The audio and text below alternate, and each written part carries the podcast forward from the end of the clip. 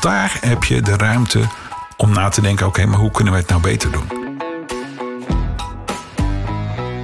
En de eerste is dat je eigenlijk als leider een dirigent bent. Je maakt zelf geen muziek.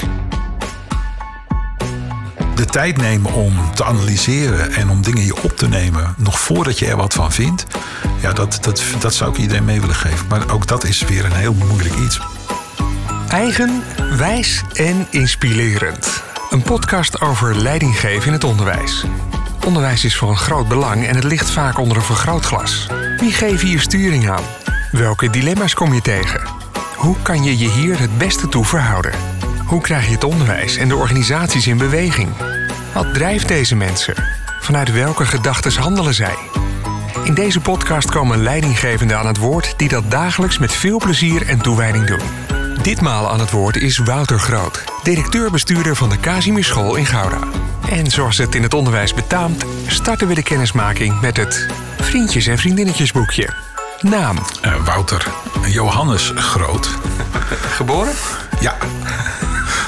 En wanneer? Ja. 19 mei 1964. Woonplaats? Gouda. Broers, zussen? Twee zussen. Burgerlijke staat? Samenwonend. Kinderen? Zeker, twee. Jongen en een meisje, maar inmiddels al volwassen. Dus. Mijn collega's kennen mij als puntje puntje. Als Wouter. Uh, degene die uh, er lang niet altijd is, maar er altijd is. Dat is een frasering die een van mijn collega's me ooit heeft uh, teruggegeven. Toen heb ik ook gevraagd van wat doe je dan? Ja, weet je, je bent er lang niet altijd en je lijkt ook niet overal direct betrokken bij, maar op de achtergrond ben je altijd aanwezig en je weet eigenlijk toch altijd alles wat er speelt in die organisatie. Mooi, komen we vast nog over te spreken. Ja. Als de wekker gaat, denk ik. Ik ben altijd voor de wekker al wakker. Ik ben altijd vroeg wakker. Ergens tussen een uur of vijf en zes. Uh, en ja, wat ik dan denk. Uh, dat ik weer blij ben dat ik weer mag opstaan eigenlijk. Ik ben niet zo'n slaper. Dus... De mooiste plek op de wereld waar ik geweest ben? Och, dat is een, dat is een uh, goede vraag.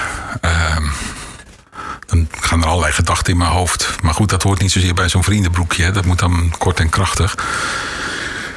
Uh, ik ben wel een groot fan van het land, de Verenigde Staten. En de diversiteit. op de een of andere manier voel ik me er altijd thuis als ik daar kom. ik zou er niet willen wonen, maar ik heb daar een hele mooie plek gezien. Ja. Mooi. De beste, de beste uitvinding ooit? Ik denk dat, ja, ooit, dat denk ik goed, oké. Okay. Uh, ik vind eigenlijk digitalisering vind ik wel een hele, hele goede. Uh, dat heeft ons veel gebracht in de afgelopen uh, jaren. In, en ook in moeilijke tijden, zoals bijvoorbeeld rondom de corona-toestanden, blijven we toch verbonden. Dus ik, ja. Jouw beste beslissing ooit? zakelijk gezien is mijn beste beslissing dat ik bij een grote bestuur ben weggegaan en uh, naar een eenpitter ben gegaan. Ja. Mijn laatst gelezen boek. Uh, die is uh, van Jitske Kramer. en dat gaat over het, wat als werk het gebouw verlaten heeft. mooie overpeinzingen van, van deze tijd en hoe leiderschap en invloed van mensen op organisaties in deze tijd eigenlijk zou kunnen. Dus dat is mijn laatste boek. Ik geef het liefste geld uit aan. Eten, denk ik. Ja, ja, ja. Welke film kan je oneindig vaak kijken? Nou, ik, ik heb niet zoveel geduld voor films. Ik heb het gisteravond weer geprobeerd, maar na twee minuten merk ik al dat ik denk van waar is mijn telefoon? Uh, maar de film die, ik, die mij altijd bijblijft en die ik uh, eigenlijk altijd wel weer kan, zou kunnen zien, dat is de Shawshank Redemption. Dat vind ik wel een mooie, mooie, mooie film. Uh, maar ik ben eigenlijk niet zo'n filmmens. nee. Ook Stephen King, dacht ik, hè? Zegt, dat weet niemand. Geen idee. Nou, ik dacht, doe even een, feitje Ja, nee, dat, dat, dat, zo goed zit ik daar niet in, Frank. En wat doe je als je niet met je werk bezig bent? Oké, okay, um, nou, ik ben best wel veel met mijn werk bezig. Uh, op mijn LinkedIn-profiel staat dat ik een onderwijsduizendpoot ben. Dus dat betekent dat ik naast uh, directeur-bestuurder van die eenpitter nog veel meer dingen in het onderwijs doe. En dus werk is voor mij ook echt wel een, een hobby, iets wat ik met veel plezier doe. Um, en in de tijd die overblijft uh, houd ik van uh, gitaarspelen, uh, fotografie en motorrijden. Dat zijn eigenlijk wel drie dingen die ik leuk vind om te doen. Ja. En dit ben je samengevat in drie woorden? Um, eigenwijs, eigenzinnig en betrokken. We zijn in gesprek met uh, Wouter Groot, uh, de Casimir School. Dat zei ja. veel mooier dan ik. Ja, het is een eenpitter uh, die al bijna 100 jaar bestaat. En, maar je noemde het... Ja, het is een schoolvereniging. Schoolvereniging voor Neutraal Bijzonder Onderwijs Casimir. Opgericht in 1923 door ondernemers in een, in een binnenstad, in dit geval van Gouda, maar dat is landelijk, was dat in die tijd ook breder. En dat had vooral te maken met ja, de onvrede die er in de jaren twintig van de vorige eeuw was over de kwaliteit van het onderwijs. Uh, en de onderwijswet was veranderd, waardoor je eigenlijk gelijkbekostiging had van uh, bijzonder en openbaar onderwijs. Dus je kon je eigen school gaan stichten. En nou, toen zijn er in Nederland veel schoolverenigingen ontstaan. En dat had ook alles te maken met een, ja, eigenlijk de reformpedagogiek. Uh, je kan zeggen dat de onderwijsverlichters zoals Maria Montessori, Helen Parkhurst, Peter Peters...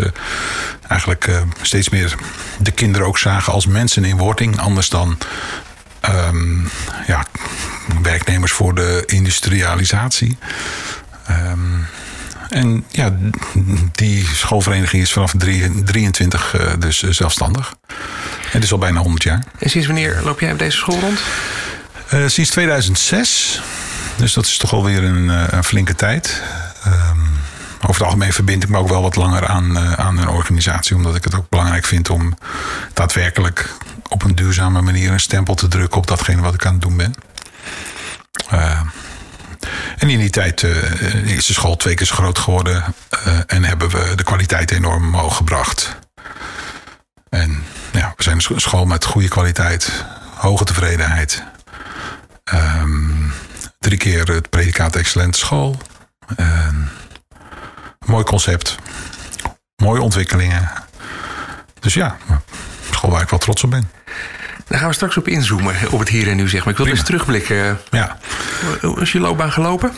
Terug naar het kleine Woutertje. Ach, ja. Um, nou ja, ik, uh, toen ik op de middelbare school zat... Uh, kan ik me nog herinneren dat ik het gesprek met, met mijn decaan had toen... over, oké, okay, wat ga je hierna doen? En toen zei ik, nou, ik ga het onderwijs in... En dat werd mij toen afgeraden. Dat was um, begin jaren tachtig. En toen zeiden ze, nee, dat moet je niet doen. Er zijn 70.000 werkelozen in het onderwijs. Je moet iets met economie gaan doen of zo. Nou, en toen, eigenzinnig als ik was, zei ik van nou, daar heb ik dus helemaal geen zin in. En ik weet zeker dat ik geen dag zonder werk zal zitten. Eigenzinnigheid uh, en eigenwijzigheid bij elkaar, denk ik. Dus ik ben een paar gaan doen, toen nog PA. En uh, toen ik klaar was, uh, heb ik een aantal jaren in een invalpool gewerkt omdat er niet zoveel vast werk was, dat klopt natuurlijk. Maar daarin ook wel het vak wel goed geleerd. En ook waar ik goed in ben. En wat ik in onderwijs uh, uh, snel kan doen. Uh, van een groep een groep maken. raddraaiers op een goede manier ook een plek geven. Want als dan bekend werd dat je in de bovenbouw actief was... dan werd je meestal ook op moeilijke plekken neergezet. En eigenlijk vanaf die invalbaan was mijn eerste vaste baan adjunct-directeur van een school. Dus ik ben gelijk eigenlijk het management ingedoken. En ik kan me nog herinneren dat mijn toenmalige leraar Nederlands uh, op de PA tegen mij zei tijdens de diplomering: Jij bent binnen no time directeur. En dat snapte ik toen helemaal niet, want daar was ik helemaal niet mee bezig.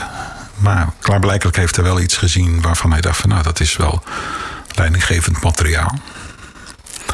En uh, eigenlijk uh, ja, sinds uh, eind jaren 80, volgens mij 89 toen ik adjunct werd, altijd in directies van, van het onderwijs gezeten. Ja. Kan nog even, dan ga je iets te snel zeg maar, de eerste leidinggevende baan en welke scholen daarna? Dat was in Gouda ook, uh, op een school die nu niet meer bestaat. De, de Klimop, openbaar onderwijs. Ehm, dus daar ben ik begonnen. Toen kwam in 1992 eigenlijk de wet toerusting en bereikbaarheid. En dat betekende dat veel scholen moesten fuseren. Kleine schooltjes moesten samen naar een wat grotere. Dus toen raakte ik mijn adjunctschap kwijt. Ik kreeg daar wel een mooie boekenbon van 25 gulden van de wethouder onderwijs voor. Kan ik me nog herinneren. En toen ben ik ook gelijk gaan solliciteren. Ben ik naar Boskoop gegaan. Daar werd ik adjunct-directeur van een openbare school. En binnen Boskoop heb ik 14 jaar gewerkt. Ben ik doorgegroeid naar directeur, naar algemeen directeur van twee scholen. en toen ging Boskoop ook weer op in een groter openbaar bestuur rondom Alfa aan de Rijn. Um, ja, en toen kwam ik weer terecht toch in een, in een, een stuk bureaucratie en toch ook wel stroperigheid en uh, onvoldoende slagkracht. Dat ik dacht van nou, nee. Of ik moet hier zelf in doorgroeien en wellicht uh, bestuurder, uh, de bestuurdersrol gaan nemen, of ik moet hier weg. En toen ben ik weggegaan en op zoek gegaan naar een baan. En deze baan was drie jaar voordat ik hem uh, hierop solliciteerde, was hij ook al beschikbaar. Toen had ik hem ook al gezien. Uh, toen had ik me laten liggen. Uh, maar goed, drie jaar later zag ik die advertentie weer. Toen dacht nou, het feit dat dit mij opvalt. en het is een, een eenpitter in mijn eigen woonplaats. Nou, dat. en zo ben ik hier gekomen. Mooi. En als je nou die, al die stapjes uh, nagaat, wat, wat was dan de rode draad van al die banen die je deed? Wat, deed je, wat, wat, wat ging je goed af? Ja, ik denk dat, um, dat ik goed ben in uh, uh, ontwikkelen. Hè, dus van, van een huidige situatie doorontwikkelen naar iets wat beter is. En dat betekent, dat begint vaak bij uh, je verdiepen in mogelijkheden, uh, nadenken, uh, je laten inspireren door, door mensen die dingen bedenken of dingen bedacht hebben of met een ontwikkeling bezig zijn. En dan ben ik goed om, om dat te vertalen naar de praktijk. Zo was ik een van de eerste die bijvoorbeeld met uh, teamonderwijs op maat uh, aan de slag ging uh, in mijn school in Boskoop om van een klassikaal georiënteerd onderwijs naar onderwijs op maat te gaan. dat tomonderwijs dat, dat kwam net op het juiste moment en toen hebben we daar goed op ingehaakt. maar het is ook zo dat ik ook niet zo ben dat ik dan een programma zoals dat wordt aangeboden ook dan maar slaafs volg. Ik ben altijd bezig met, uh, met dat ook weer te vertalen naar hoe het ons past. Uh, ik, dus ik denk dat ik daar wel goed in ben. Ja. Je zei dat uh, de leraar Nederlands, die zag het al in je. Ja. Met, met de bril van nu, had hij gelijk. En, en was, wat, wat voor gedrag vertoonde je dan blijkbaar al? Ja, ik, ik denk dat ik Um, kijk, mijn ouders hebben mij uh, in, de, in de opvoeding altijd heel, veel ruimte gegeven. En uh, daar ben ik heel blij om, want dat is, het was ook datgene wat ik ook echt nodig had. Uh, dus ehm, geef mij de ruimte en, ik, en ik ga aan. Ehm, kijk, op het moment dat je mij probeert nou, te binden, dan, dan functioneer ik niet zo goed. Hè. Dus ik heb autonomie gewoon als een belangrijk belangrijk gegeven nodig om goed te kunnen functioneren. Um, en ik hou van het uh, nemen van verantwoordelijkheid. Um, dus ik neem graag het voortouw. Uh, en dat zorgt ervoor dat je ja, al heel snel bij allerlei dingen vooraan staat. Van nee, dat doe ik wel. Of uh, ja, kom erop, dat regel ik wel. Of daar ga ik wel voor. Ja. Mooi. Wat, wat is je visie op leiderschap? Oh, dat is, die is heel veelzijdig. Um, kijk, leiderschap is, is eigenlijk als je het uh, uh, samenvat, uh, um, is dat je op, een, op een gerichte manier invloed uitoefent op het creëren van de toekomst. En dat heeft dus te maken met die betrokkenheid die ik, die ik belangrijk vind. Maar ook met die, die innovatiedrang die, die ik heb. Dus leiderschap is heel veelzijdig. Hè. Er zijn heel veel definities van leiderschap. Je hebt allerlei vormen. Ehm, er worden boeken volgeschreven over, over leiderschap. Maar het gaat altijd om dat je in staat bent om de verbinding te kunnen maken tussen de huidige situatie en wat daarin belangrijk is en speelt, naar een gewenste situatie toe. En datgene te doen wat nodig is om dat ook te bereiken. En wat je ziet is, uh, en dat kom ik in het onderwijs uh, uh, toch wel tegen, dat mensen wel heel hard werken en heel hard hun best doen.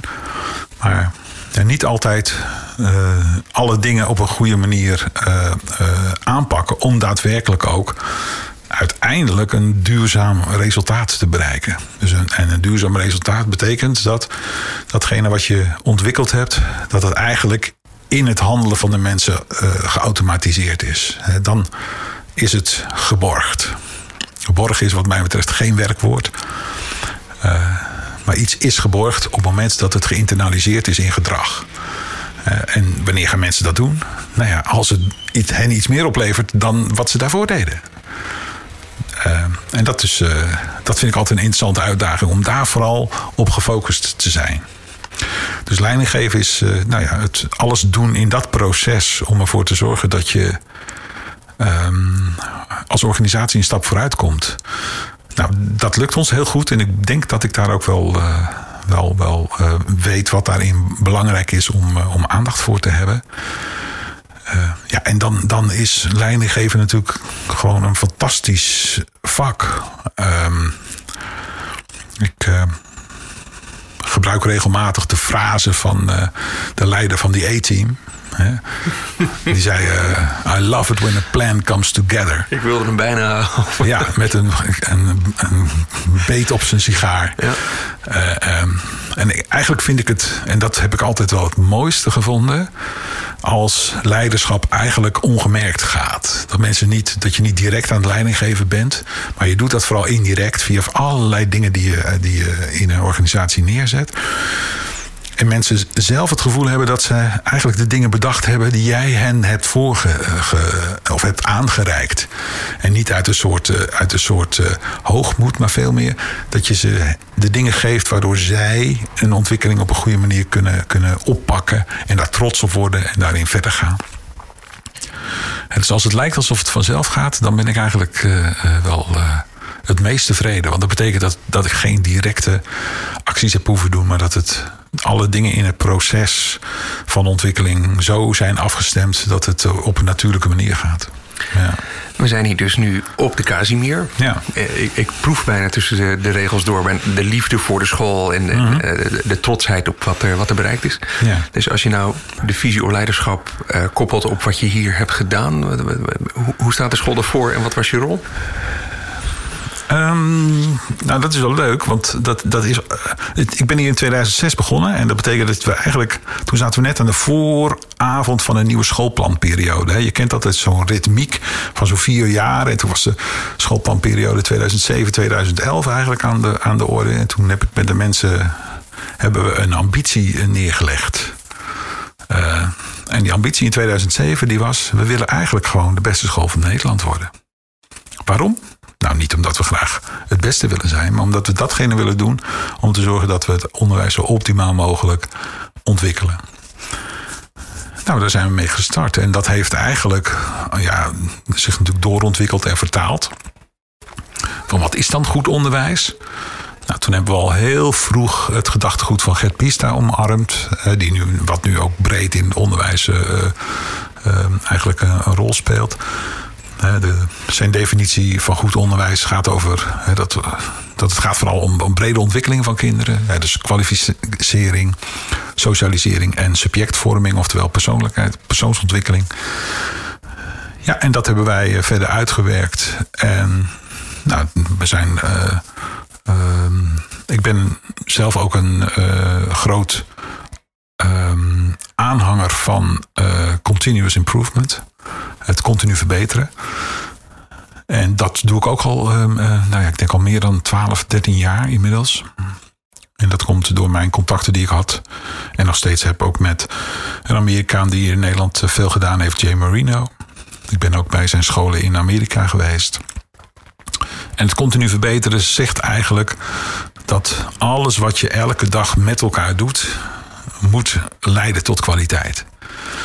Ik ben dus bijvoorbeeld ook geen fan van studiedagen waarin je met elkaar twee dagen heel gericht met dingen bezig bent. Waarvan je dat soms ook wel merkt dat het effect op langere termijn al heel snel verdampt. dan zeggen, oh ja, daar hebben we ook nog eens een keer een tweedaags over gehad. Wat was het ook weer? Uh, maar dat ontwikkeling eigenlijk uh, continu gekoppeld is aan je werk. Dus je bent werkend aan het leren en lerend aan het werken. Dat is echt mijn adagium als het gaat over hoe, je, hoe wij hier bezig zijn. Uh, de school is nu gesloten. Ja. Corona is nog. Mm -hmm. stel dat de les was, les was afgelopen en we zouden door het gebouw heen gelopen zijn. Wat zou ik dan gezien hebben? Kinderen zijn naar huis. Wat zie ik? Ja, dan zie ik vooral eh, leerkrachten die uh, met elkaar bezig zijn in verschillende teams om of met activiteiten bezig te zijn, of met ontwikkelen, of met leren. wij doen alles in teams. dus niemand werkt hier in zijn eentje. Dus alles wat je doet, doe je in teams. we hebben ontwikkelteams. Die zijn vooral met innovatie bezig. En ontwikkelingen gekoppeld aan het primaire proces. Dus het uitkiezen van een nieuwe methode of het ontwikkelen van een portfolio. Of, dat, dat zijn de ontwikkelteams. Nou, de activiteitenteams die zijn vooral bezig met eh, het organiseren van, eh, van activiteiten. En leerteams zijn vooral gericht op uh, professionele ontwikkeling. Dus dat betekent dat eigenlijk het functioneren en ontwikkelen van, uh, van de mensen niet in de lijn zit bij directie, maar veel meer bij de mensen zelf. Dus uh, uh, er worden ambitiegesprekken gehouden. Die houden wij wel met de mensen, zodat we ook een beetje een beeld hebben. van ja, waar, gaat, waar gaat het eigenlijk over en waar, willen we, waar, waar wil jij bijvoorbeeld in jouw loopbaan naartoe? Dat is ook handig om te weten. Maar alles daarna van, oké, wat zijn mijn uh, leerdoelen voor dit jaar? Uh, hoe sta ik in mijn professionaliteit? Wat wil ik leren? wie kan mij van feedback voorzien? En kunnen we aan het eind ook er met elkaar een strik om doen? Dat is een teamgerichte activiteit. Dat doen de professionals met elkaar zelf. Daar bemoeien wij ons vanuit de lijn eigenlijk niet mee. Dat betekent ook dat het vak en de ontwikkeling van de professional ligt ook bij hen. En ik weet nog wel uit mijn eigen verleden ook dat in de tijd dat we begonnen met functionerings- en beoordelingsgesprekken, dat leerkrachten bij ons kwamen en dat ze gewoon heel benieuwd waren van, nou, nou vertel mij maar hoe ik het doe. Ja, geen idee hoe jij het doet, maar hoe, hoe vind je zelf dat je het doet? Uh, nou, die ontwikkeling, daar zijn we natuurlijk uh, toch wel een hele eind in gegroeid. En ja, ik kan wel zeggen dat wij op veel gebieden eigenlijk, en dat heeft vooral ook te maken met de continuïteit van de ontwikkeling in deze organisatie. Dat zorgt ervoor dat wij met veel dingen eigenlijk wel vooruit lopen op, op veel van de, van de troepen uh, in het onderwijs. Dus we zijn eigenlijk met dingen bezig. Ja, maar sommige scholen misschien die nog heel erg met basiskwaliteit bezig zijn. Of met, met allerlei andere zaken die, die uh, pedagogiek of uh, onderwijs op maat. Ja, dat hebben wij allemaal gewoon goed in de vingers. Wij weten wat we willen en hoe we dat vorm kunnen geven. Dus dat betekent ook dat je tijd overhoudt als het gaat om ontwikkeling, om vooral ook weer met nieuwe dingen bezig te zijn. Ja. ik probeer in deze podcast een beetje te ontdekken van hè, de, uh, leidinggeven is een van de leukste rotbanen van, uh, van het onderwijsveld. Ja, ja. Um, heel veel organisaties doen wat ze doen omdat ze denken dat het zo moet, zullen we zeggen. Een beetje de grijze scholen. Waar vind je dat veel organisaties minder van moeten gaan doen? Uh, vergaderen. Ja. En dat, dat is wel goed. En ik, ik zie eigenlijk een, eh, wel, wel een groeiende tendens van concrete ontwerpgerichte acties in het onderwijs. Hè. Een van de grote aanjagers landelijk daarvan is bijvoorbeeld Stichting Leerkracht. Hè, ooit in het Rotterdamse begonnen, maar nu echt wel flink, flink veel scholen die daar gebruik van maken. En natuurlijk werken zij ook met het concept van continuous improvement, continue verbetering. En dat betekent dat mensen niet meer aan het vergaderen zijn. Het gaat niet meer om notulen. Het gaat niet meer om uh, een uur met elkaar om een tafel zitten. Maar het gaat om een bordsessie bijvoorbeeld. Of, uh, en uh, hun gedachte is elke dag een stapje beter. En dat betekent ook met elkaar in ontwikkeling zijn. Dus het gaat gericht om de kwaliteit van onderwijs in de klas. Ehm, eh, en dat vind ik, eh, dat vind ik goed om, om die ontwikkeling te zien. En je merkt ook dat mensen in het onderwijs daar dus ook, nou, dat zijn zulke concrete handvatten, dat het veel onderwijsorganisaties ook past. Ja. En dan zou de tegenvraag zijn: en wat, wat moeten scholen dus meer doen? Of schoolorganisaties? Of leidinggevenden in het onderwijs meer doen? Ja, ik denk dat leidinggevenden ehm, moeten proberen, hoe lastig dat ook is, om vooral met de dag van morgen bezig te zijn en niet met de dag van vandaag.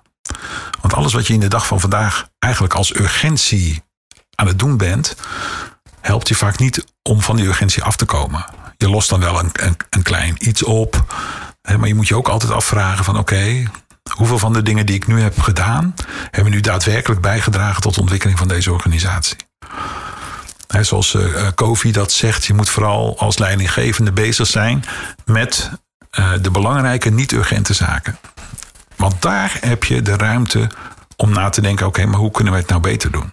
En dat zijn best ingewikkelde processen. Het is niet een, een invuloefeningetje van nou we nemen een nieuwe methode en uh, dan hebben we dus ander onderwijs. Alles is, heeft te maken met ja, multiperspectieven. Dus je hebt altijd te maken met meerdere dingen die uiteindelijk ervoor zorgen dat iets een succes wordt. De, de veranderbereidheid van je leerkrachten bijvoorbeeld, de professionele cultuur, eh, de ruimte die mensen voelen om dingen eh, te mogen uitproberen. Weet je, dat zijn allemaal elementen die naast de inhoud zo van belang zijn om dingen te laten slagen. En we werken in, uh, in een complex dynamische omgeving. in het onderwijs. Dus dat betekent dat, dat elke dag, en nou, deze tijd van corona laat dat ook wel zien, hè, elke dag kan er weer anders uitzien. En dat vraagt dus veel van de mensen om nou ja, flexibiliteit en wendbaarheid te ontwikkelen. Om ook met al die veranderende uh, situaties omge, om te gaan. Je zou eigenlijk kunnen zeggen, dat vind ik ook wel een mooie, mooie tegeltje. Daar ben ik ook wel van, van one-liners en uitspraken. Dat het de enige constante in het onderwijs is dat het continu verandert. Uh, en dat betekent ook dat, dat. Maar dat is nou juist voor mensen ook het moeilijkste. Want mensen hebben vaak, en dat zit gewoon ook in, in hoe mensen in elkaar zitten. Mensen willen graag ook vastigheid. Die, willen, die vinden het fijn als iets ook gaat op een manier zoals ze gewend zijn uh, te doen. Uh, dus dus alle, alle nieuwe dingen, ja, daar zitten eh, veel mensen niet direct op te wachten. Nee, natuurlijk heb je allemaal verschillende mensen. Je hebt altijd die pioniers die het morgen anders willen doen. Maar de grootste groep van de mensen is gewend om op routine dingen aan te pakken. En, en dat moet je dus proberen ja, om te buigen naar in ieder geval de bereidheid om te kijken of iets uh, beter kan. Niet anders, want dat is geen argument, vind ik. Want als je iets wil ontwikkelen, dan moet het vooral iets zijn wat ook beter is dan wat je op dit moment deed. Nu doe je los van, uh, van deze school uh, ook veel aan leiderschapsontwikkeling. En ja. dat zijn dus of startende leidinggevenden of, ja. of mensen van buiten, dacht ik, hè, die het onderwijs in willen stappen. Ja. Welke lering kan je trekken uit, uh, uit de mensen die nieuw dit ambacht instappen? Wat zijn de valkuilen en wat, waar zit de winst? Ja, nou ja, weet je, dat is leuk. Ik vind dat een leuke vraag. Want kijk, ik ben al vanaf 2004 bezig met, met leiderschapsontwikkeling. Hè, als, als docent en ontwikkelaar voor uh. Via diverse hogescholen. En ik begeleid ook uh, uh, mensen in het veld, vooral ook startende directeuren. Omdat ik met name die eerste, uh, die eerste periode van zo'n directeurschap, die is juist essentieel om te, te doen slagen. Dat is een make-or-break uh, ja, situatie. Learning by doing, vooral denk ik. Ja, maar ook, weet je, uh, dan is het fijn als, als je mensen hebt die met je mee kunnen kijken en je kunnen ook laten zien wat bijvoorbeeld gevolgen zijn van de keuzes die je maakt en, en, en tools en, en uh, meegeven. en, en dus ook de directeuren van buiten, hè, die, die, die ook in opleiding komen. en ja, weet je. Onderwijs is, een, is best een, uh, een ingewikkelde uh, um, uh, omgeving om in te werken. Omdat het over het algemeen wel heel erg betrokken en kindgericht is. Maar lang niet altijd qua organisatie en qua resultaten op een bedrijfsmatige manier gemanaged kan worden. dus, dus je zult je als je als directeur van buiten binnenkomt, zul je je moeten, in verbinding moeten stellen met wat er, uh, wat er is. En vanuit die verbinding moeten ontwikkelen. Ik vind het ook altijd wel een mooie. Dat is ook zo'n mooie. Uh, dat heb ik ooit een keer ook opgepikt. Volgens mij was dat een cursist die mij dat zei. Die zei van: Ik praat niet, liever niet van veranderen. Ik praat liever van ontwikkelen. Omdat veranderen geeft eigenlijk met zich mee dat je iets anders moet doen dan wat je daarvoor deed. En dus ook eigenlijk de gedachte dat het dus niet goed was. Terwijl als je het hebt over ontwikkelen, ja, dat wil iedereen wel. Want uh, als je nu iets bijleert waardoor je morgen nog een beter resultaat in tevredenheid van, van, van kinderen kunt hebben. Of in, uh, in de manier van, van lesgeven het net even een beetje beter kan doen, waardoor de kinderen het beter op kunnen pakken. Ja, dus geen leerkracht die zegt: nee, dat wil ik niet. dus dat geeft aan dat je in verbinding moet zijn. En dat je ook altijd als nieuwkomer, als je ergens binnenkomt, moet je erkennen wat er is. Die mensen die, zijn, die daar zijn, die hebben jarenlang zonder jou heel hard gewerkt. En als jij als nieuweling binnenkomt en je denkt, oké, maar nu kom ik er. En nu beginnen we eigenlijk bij nul, gaan we doen op mijn manier. Ja, dan word je wel eens op een schild het dorp uitgedragen als leidinggevende, denk ik. Ja. Met, het, met het risico dat ik ga generaliseren. Hè. Veel mhm. startende mensen uh, nou, uh, kunnen beginnersfouten maken, zeg maar. Tuurlijk. Ja. Zijn er een paar dingen op te noemen waarvan je denkt... ach, als ik je dit vast mee mag geven... dan, dan een aantal momenten van de dag wordt het al leuker voor je. Zijn er een aantal valkuilen waar iedereen instapt... of, of blinde vlekken die bijna generiek zijn? Um, ja, ja, wij, mensen hebben natuurlijk snel een mening. Je vindt al snel, ergens iets van. Dus je komt binnen en je, je denkt van... hé, waarom zijn ze dat nu op die manier aan het doen? Wat is onhandig. Ik zou dat anders doen. Dus je hebt al snel een mening. En uh, je mening zit je vaak ook wel in de weg... om echt goed te luisteren in waarom de mensen doen wat ze doen. Dus um, wat ik mensen zou meegeven is: uh, probeer zo meningloos eigenlijk die organisatie in te gaan. Want, dan ben je dus gericht op. Wat drijft deze mensen? Waarom doen ze wat ze doen? Welke hobbels hebben ze moeten overwinnen? Hoe is het met continuïteit in deze uh, organisatie gegaan? Zijn die mensen altijd gezien, ook door de leidinggevende in de afgelopen periode? Of is er, is er pijn waar je iets mee moet doen? En uh, dus de tijd nemen om te analyseren en om dingen je op te nemen, nog voordat je er wat van vindt, ja, dat, dat, dat zou ik iedereen mee willen geven. Maar ook dat is weer een heel moeilijk iets, want je bent al heel snel geneigd om, uh, om je mening voorop te zetten. En dan, en dan is je bril gekleurd. En waarschijnlijk ook uh, de slagkracht om de vervolgactie te mogen zetten. Ja, vervolgens heb je eerst nog de honderd dagen op je handen zitten, die je altijd moet doen als leidinggevende. Hè? Want je moet uh, niet te snel uh, van start gaan, want dan denken mensen: oké, dit is er weer zo eentje. Die gaat meteen weer aan de, aan de haal met. Uh, dus het is wel het subtiele. Hoe heet dat zo mooi? Ook weer Bohica, geloof ik. Bend over, here it comes again. Ja, ja nou, die had ik nog nooit gehoord. Die is ook wel leuk, ja. Nou, ik, ik, ik parafraseer het altijd wel met stoelen. Hè. Ik bedoel, je, of met een rij. Je, je, je, komt eigenlijk als nieuw in een organisatie binnen. Dan kom je eigenlijk achter, sta je achter aan de rij. Want jij bent een nieuweling. Maar als je als leidinggevende nieuw binnenkomt, kom je wel op die plek binnen. Maar moet je wel in het juiste tempo naar jouw plek toe in die organisatie. Want anders denken mensen, ja, oké, okay, bent, jij bent nou toch onze leidinggevende. Wanneer ga je dan een keer ook doen wat je moet doen? En als je het te snel doet, dan zeggen mensen, oh, oh, oh, oh, oh hou eens even op. Wie denk jij wel dat je bent? Dus het gaat om in het juiste tempo naar jouw directeurstoel toe te gaan en daarop te gaan zitten. In de hoop dat er niet al een een of andere informeel leider al eh, op die stoel zit en er niet af wil. Want dat uh, zie je ook nog eens. Ik vind het toch te leuk om het nog even los te laten. Heb je een aantal van die andere valkuilen waarvan je zegt... Ach, dat je nog net niet in de wang knijpt. Want dan heb je je oordeel ook al uitgesteld. In ieder geval, kijk links, kijk rechts. Mag ik met je meekijken? Kijk, leiderschap, wat ik in het begin ook zei. Leiderschap is vooral vanuit verbinding uh, in ontwikkeling uh, komen. Dat is wat het is. Dus heb oog voor, voor de mensen in de organisatie. Dat zou ook een grote tip zijn. Dus praat met mensen. Heb oprechte interesse. Uh, vraag, vraag wie ze zijn, wat hen drijft heb weet van uh, persoonlijke situaties van mensen. En als je dat niet in je eigen geheugen kunt, kunt uh, ophouden, dan zou ik dat ook gewoon noteren, zodat je het wel paraat hebt. Want dat laat zien dat je oprecht geïnteresseerd bent in wat mensen drijft. En ik denk dat dat uh, ik denk dat mensen die beginnende leidinggever willen eigenlijk te snel al met, met hun dingen aan de slag. Uh, uh, dus dat zou ik doen. En ik zou zorgen voor goede koffie. Dus de beste investering die je kan doen is een nieuw uh, kopieerapparaat aanschaffen of een goede bonenapparaat met koffie.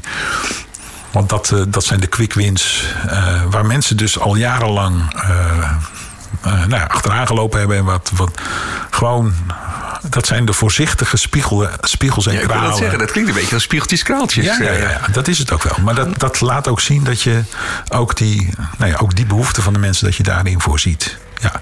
En dan boeit het niet of dat nou een duur abonnement is of niet, want daar gaat het niet om. Je moet het gewoon doen en dan zeg je ook gewoon tegen het bestuur van, oh, dat wist ik niet. Mocht dat niet? Oké, okay. nou ja, ik heb er nu al een vijfjarig contract afgesloten.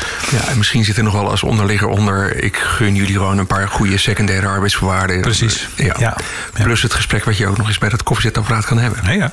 Oh, ja, ja. Nou, ik, ga er, ik ga er meteen eentje bestellen. Oh, heel goed. Ja, ik heb nog wel een goed adresje voor je. Ja.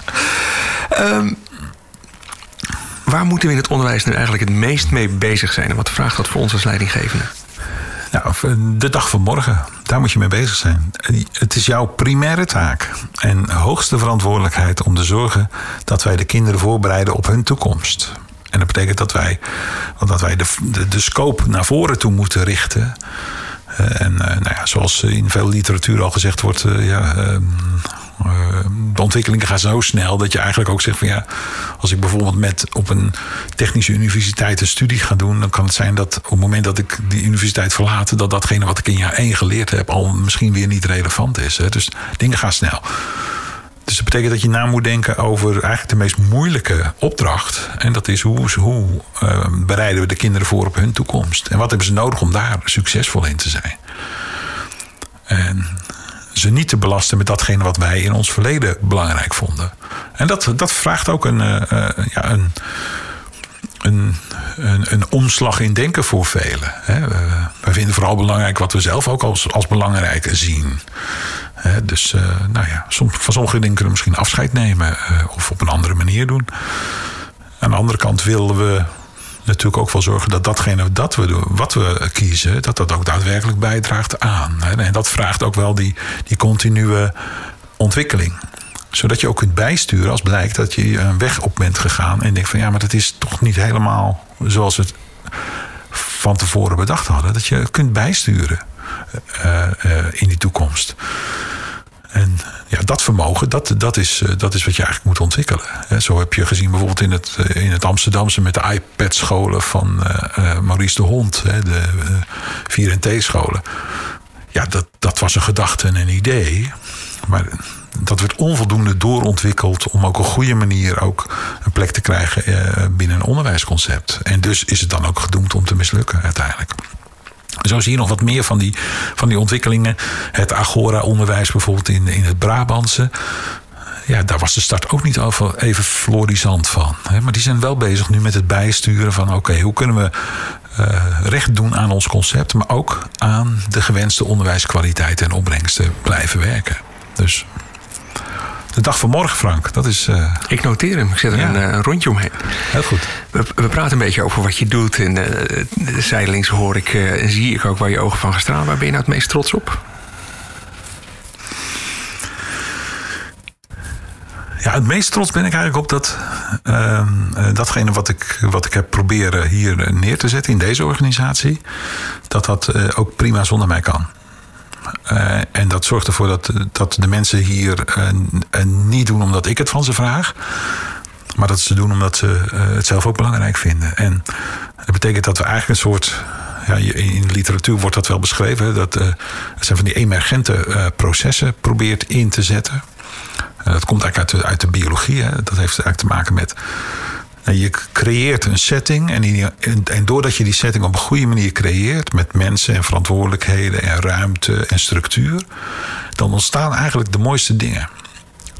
Uh, die je van tevoren misschien niet bedacht had. Dus dan zit het planmatig toch nog weer op een andere manier. Hè? Dan, dan ben je vooral bezig met die ruimte te scheppen, zodat dingen kunnen, kunnen, zich kunnen ontwikkelen. Uh, En, en, dat vind ik heel mooi om te zien. En, en dan ontstaan de mooiste dingen. En dingen die veel mooier worden dan dat ik ze misschien van tevoren bedacht had.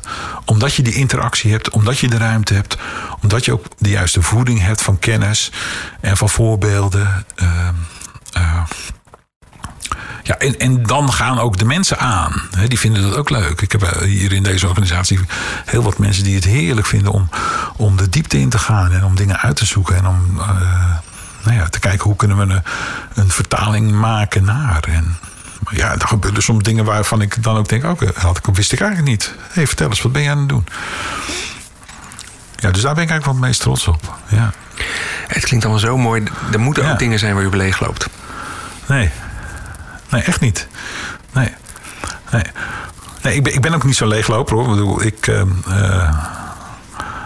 hou me graag uh, bezig met de dingen waar ik energie van krijg. Uh, alles wat je aandacht geeft, groeit. Dus dat betekent dat hoe meer je daarmee bezig bent, hoe meer je ook ziet dat dat, dat, dat ook tot een gewenst resultaat leidt. Maar ik, ik loop niet zo leeg. Nee, nee. Nee. Zou dat een soort wens zijn voor de goede leidinggevende? Laat je niet gek maken door dat, wat je denkt dat je moet. Maar focus je dus op wat, wat nodig is voor de school en haal daar je energie uit? Of zit ik dan te filosofisch? Nou, ik had vanochtend toevallig, uh, we zitten hier nu op een, op een woensdagochtend. Ik had een groep uh, schoolleiders, vakbekwamen van Avans vanochtend online. En we zitten net na dat moment dat de scholen voor de tweede keer natuurlijk in lockdown zijn. En voordat ik dan zo'n sessie begin uh, qua inhoud, even zo'n rondje, jongens, hoe zitten jullie er nu bij? Hè? Wat, wat, wat drijft jullie? En ja, dan, dan krijg je terug, ja, we zijn toch veel bezig met heel veel urgente zaken. En ik kom niet toe aan de opdrachten die ik moet doen. Ja, en dan heb ik toch wel, probeer ik dan zo'n vaderlijke uh, uh, boodschap ook nog wel met hen te delen. Dat ja, als je en dan kom ik toch ook weer bij Kofi terecht. Kofi is echt wel oh, mijn basis ook in alles wat ik doe. Ja, dat het belangrijk is om leiding te geven aan jezelf. Je, hij zegt, je kan pas goed leiding geven aan een ander als je ook goed kunt leiding geven aan jezelf. Dus oké, okay, weet je, als jij als leidinggevende alleen maar bezig bent met de urgentie en niet met jouw eigen ontwikkeling en professionalisering, help je de school niet verder. Dus ik snap dat je soms urgentie prioriteit moet geven, dat hoort er ook bij. Maar dat kan niet altijd langdurig en stelselmatig, want dan moet je de dingen op een andere manier organiseren. Dan moet je gaan nadenken: oké, moet ik dat dan doen? Wat ik allemaal. Ben ik dan degene die altijd maar het stof en blik moet, uh, moet zijn in deze organisatie? Of kunnen we die pijn delen zodat we ook ruimte hebben voor, uh, voor nieuwe dingen? En wat ik zal altijd meegeven is dat het uh, ook altijd gaat om executieve functies. Dus dat betekent, je moet ook discipline hebben als schoolleider. Je moet ook time management uh, moet, moet je goed uh, in de oog houden. Je moet zelfregulering. Ja, je moet jezelf ook kunnen sturen. Dus uh, uiteindelijk word je ook als directeur ehm, regelmatig en stelselmatig afgerekend op het resultaat. De inspectie komt bij je langs als het onderwijskwaliteit niet goed is. Je bestuurder staat bij je op de stoep als er onvrede is. Dus je bent ook verantwoordelijk voor het resultaat. Dus ehm, ja, zo zit het denk ik wel in elkaar. En met de wetenschap van nu, wat heb je achteraf uh, bezien hopeloos onderschat? Ja, het klinkt een beetje, een beetje pedant om te zeggen dat ik. Een, een, nee, wat ik heb onderschat. Nou, ik heb wel dingen moeten leren. Uh, en uh, en dat, dat ook wel door, door uh, schade en schande. Ik ben eigenlijk wel ongeduldig. en ik wil dus eigenlijk sneller dan, dan zou kunnen. en ik heb wel geleerd dat, dat dat niet helpt in het proces.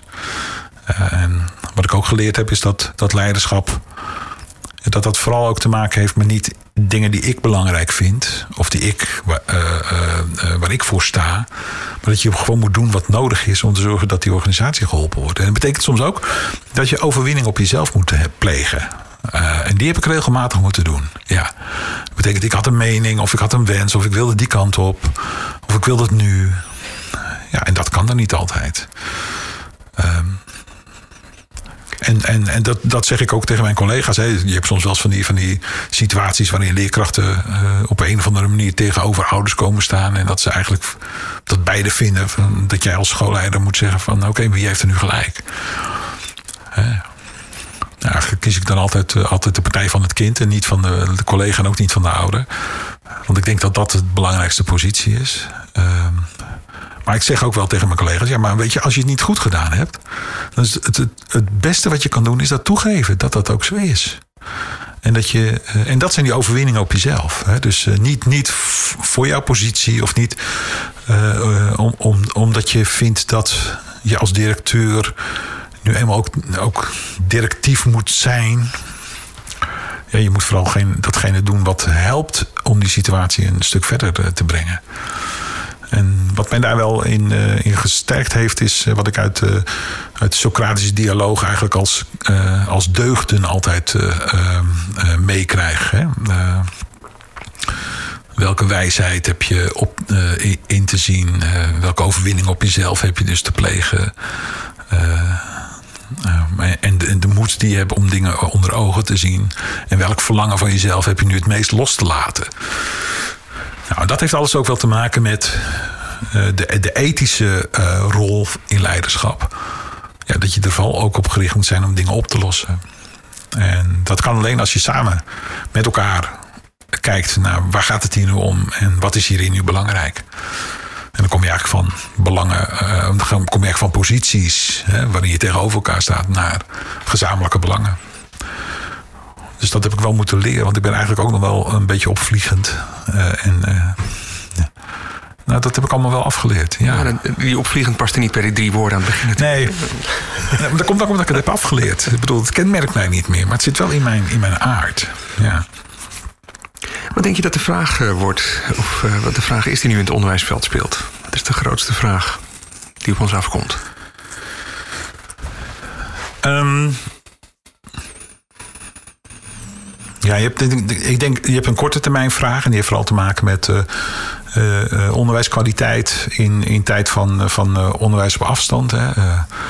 ik, ik, weet dat er zeker schoolorganisaties zijn die heel lastig in verbinding zijn, ook met de kinderen thuis. Omdat de thuissituatie daar gewoon onvoldoende helpend in is. en aan de andere kant, nou ja, weet je, dan knippen we 2020 toch gewoon uit, uit alle jaren weg. En dan start je gewoon bij wat er is. Um, dus ik denk dat het, dat het van belang is om te kijken van wat, wat hebben deze kinderen nu vooral nodig. Um, en na de eerste lockdown hebben wij vooral ingezet op socialisering. Want de kinderen waren nu eindelijk weer eens bij elkaar. Dus uh, dingen met elkaar doen, activiteiten, drama, muziek, techniek, handelen, handvaardigheid. En ik denk op langere termijn, um, denk ik dat ja, de plek van, van onderwijs eigenlijk ten opzichte van de ontwikkeling van, uh, uh, van kinderen, dat die her, een herpositie vraagt. dat betekent de manier waarop we onderwijs organiseren. Ehm, het werken vanuit onderwijsbehoeften, het werken met leerdoelen, eigenlijk de individualisering als het gaat over het programma die je kinderen aanbiedt, als het gaat om basisvaardigheden. Um, en ik denk, en kinderen voorbereiden op, op de complexiteit eigenlijk, dat is ook wel een, een belangrijke, uh, denk ik, opdracht. De wereld zit complex in elkaar. Wat is waar, wat is niet waar? Uh, nepnieuws, uh, manipulatie, ethiek, wat is belangrijk?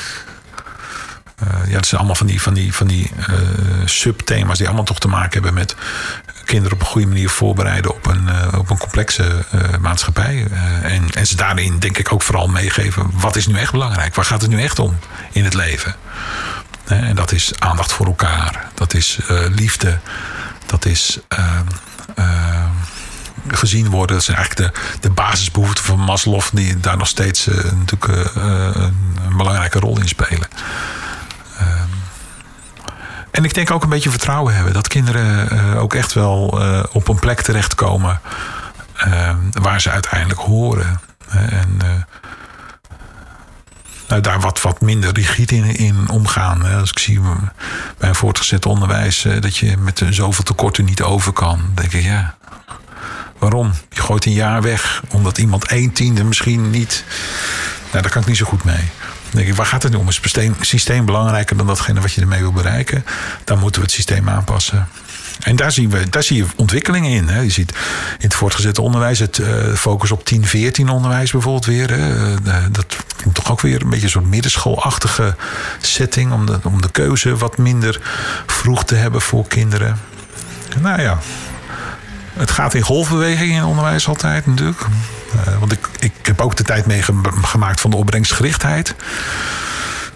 dat ik in het KBA-traject van Lodewijk Asscher in Amsterdam scholen heb geholpen om opbrengstgericht te werken met elkaar. Ja, soms is dat ook nodig. En nu zitten we weer in een tijd van, nou ja, van betekenisvol zijn. Ik denk, ik denk dat, dat, dat dat wel de grootste winst is van deze tijd waar we nu in zitten. En een andere uitspraak die ik ook altijd wel heel belangrijk vind, die ook wel dit tijdsgevricht goed typeert, is van Jan Rotmans. Um, professor uh, veranderkunde. En hij zegt van zitten we nu in een tijdperk van verandering of in een verandering van tijdperk? En uh, ik denk dat we in een verandering van tijdperk zitten, waarbij we dus heel veel dingen nog niet weten. Maar we weten wel dat het niet meer wordt zoals het, zoals het was. En ah, dat geeft weer een hele mooie, mooie ruimte om weer met dingen bezig te zijn. Past jouw huidige, huidige stijl van uh, leidinggever daarbij, denk je? Ja, ik denk het wel. Want ik doe eigenlijk steeds minder. We gaan afsluiten. Je bent okay. van de tegeltekstjes. Met ja, welke ja. tegelwijsheid zou je af willen sluiten? Oh, nou, jeetje. Um, nou ja, wat ik wel mooi vind om nog even te zeggen... dat uh, als je het hebt over uh, een metafoor hè, rondom leiderschap... dan gebruik ik er eigenlijk altijd twee die, ik, die het wat mij betreft goed typeren. En de eerste is dat je eigenlijk als leider een dirigent bent. Je maakt zelf geen muziek. Dus uh, jouw taak is om te zorgen dat er uiteindelijk een fantastisch concert plaatsvindt. Waarin alle instrumenten, uh, maar ook de, uh, de manier waarop je het arrangeert, alles bij elkaar brengt, kwaliteiten van mensen naar boven brengt, leidt tot een fantastisch concert. En daarin onderscheiden de middelmatige dirigenten zich van de goede. En de tweede die ik wil aangeven is, en dat is ook een tegeltje wel. Uh, gras uh, gaat niet sneller groeien door eraan te trekken. Dus je bent als leidinggevende ook een tuinman. Jij moet zorgen voor zaaien, voor water geven, voor de juiste zon, hè, dat de zon op de, grasmat komt. Maar ook dat je schoffelt, dat je onkruid wiet, dat je verticuteert, een beetje lucht in die bodem brengt. En dan zul je zien dat, dat ja, het gras vanzelf gaat groeien. Ja, dus uh, nou, dat zijn twee, twee metaforen of mm, spreuken rondom leiderschap die ik wel belangrijk vind. Aan het woord was uh, Wouter Groot. Dankjewel. Graag gedaan, Frank.